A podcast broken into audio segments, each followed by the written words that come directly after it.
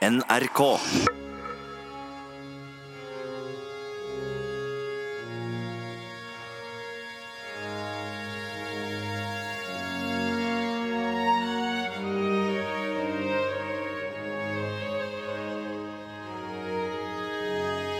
Etterretningsoffiser Anders Panneluggen døde i går kveld, 97 år gammel.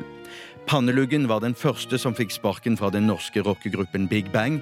Allerede tre kvarter inn i den første øvingen, som fant sted 18.2.1992, måtte etterretningsoffiseren pakke orgelkofferten og gå.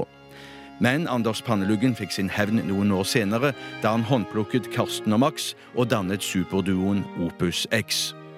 Etter krigen var Anders Panneluggen savnet i hele 34 år, før han ved en tilfeldighet ble funnet på Hardangervidda i 1979. Vi hører her det som skal være et unikt kassettopptak av Panneluggen. Dette er et unikt kassettopptak, og mitt navn er Anders Panneluggen. Vel, 18. mars 1943 fikk jeg ordre fra London om å skaffe meg falske identitetspapirer, for så å gå under jorden. Tre dager senere grov jeg meg ned i hagen min bak huset mitt på Geilo, og snart hadde jeg spadd ut en underjordisk treroms med kjøkken. Ha mer, så jeg grov en tunnel opp til vidda, der jeg fikk gravd meg ei diger underjordisk hytte med jakt- og fiskerett. Arkeologer har i ettertid studert etterretningsoffiser Anders Panneluggens utgravinger på Hardangervidda og kommet frem til at hytta med jakt- og fiskerett er fra tidlig på 60-tallet. På dette tidspunkt trodde Panneluggen at tyskerne fremdeles sto i Norge. Så, noen år senere holdt jeg på å grave meg en 22 fots jordbåt, da en feit fyr deiset ned i motorrommet. Ja, det viste seg at jorddekket på båten var altfor tynt og fullt av meitemark. Vel, da den verste forfjamselsen hadde lagt seg, viste jeg feiten mine falske identitetspapirer, som viste at jeg var en forhekset prinsesse. Året etter, altså i 1980, spilte Øystein Dolmen og Gustav Lorentzen inn en låt hvor de hyllet etterretningsoffiseren Anders Panneluggen.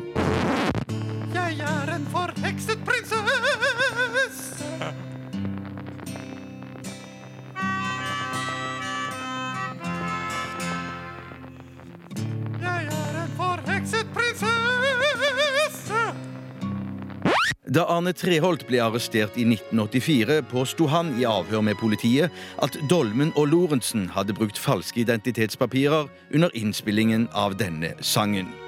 Treholt overleverte to pass til politiet, som var utstedt til en Knutsen og en Ludvigsen. I ettertid virker det en smule merkelig, for både Knutsen og Ludvigsen ble skutt på Akershus festning under rettsoppgjøret etter krigen. Vi lyser fred over Anders Panneluggens minne og avslutter med ett minutts stillhet. Oi sann. Ja, ett minutt fra nå. Radioresepsjonen.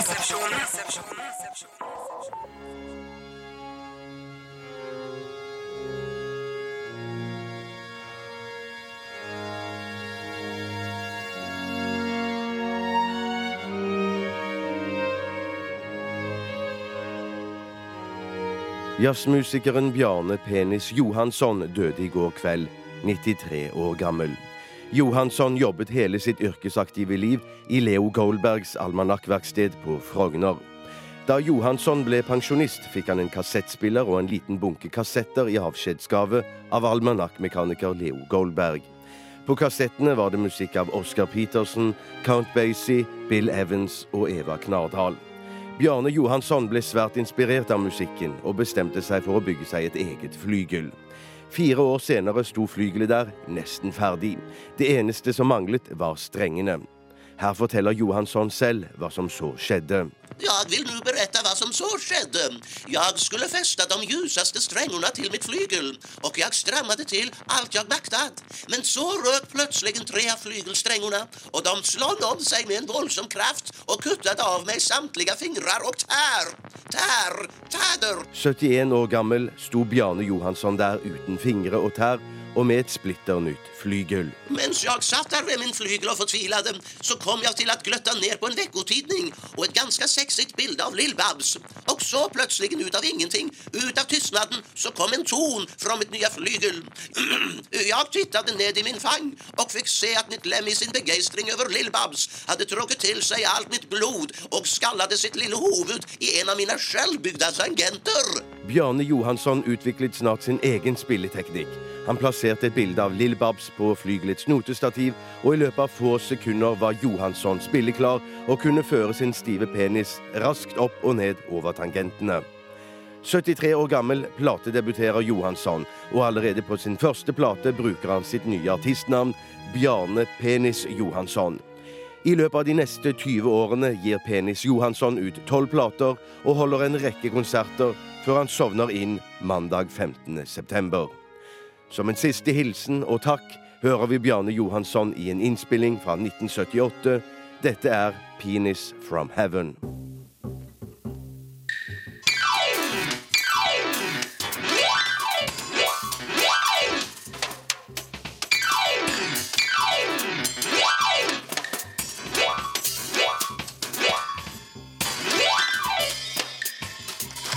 Radioresepsjonen.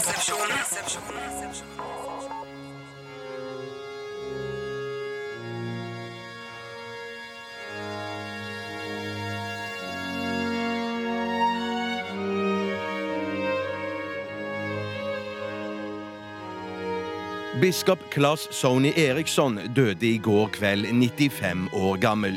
Eriksson var en av svært få prester her i landet som forble nazist også etter krigen. I 1956 ble Claes utnevnt til biskop, men fikk sparken to år senere da han insisterte på å utvide nattverdmåltidet i Den norske kirke med forrett og dessert.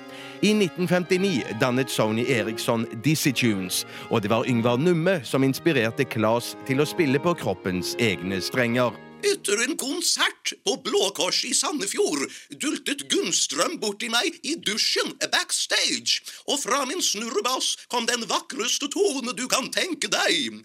Jeg prøvde igjen, jeg knipset forsiktig bort på min lille venn. Ikke Gunnstrøm, altså, men den der, her. Og der var tonen igjen. Claes Sony Eriksson spikket seg et solid plekter i eik, som han brukte når han spilte på sin penis. Den fineste klangen får jeg når junior står i givakt, og jeg slår plekteret mot den som på en streng. Ja, du kan jo selv få høre. Jeg får jo én tone når jeg slår plekteret nedover på Sånn, ja. Og så får jeg en annen tone når jeg drar plekteret oppover. Slik, ja. Var ikke det en fin og nydelig tone? Claes fikk platekontrakt som soloartist og valgte å forlate Dizzie Tunes, uten at det ble noen sure miner av den grunn. Nei, Nummis og gjengen var faktisk så sjenerøse at de sa ja til å akkompagnere biskop Claes Sony Eriksson på hans første singel som kom ut i 1960. Og som han pleier å si, resten er historie. Som en hyllest og takk hører vi biskop Claes Sony Eriksson på penis i hans debutsingel Pølsefest, backet av Dizzie Tunes.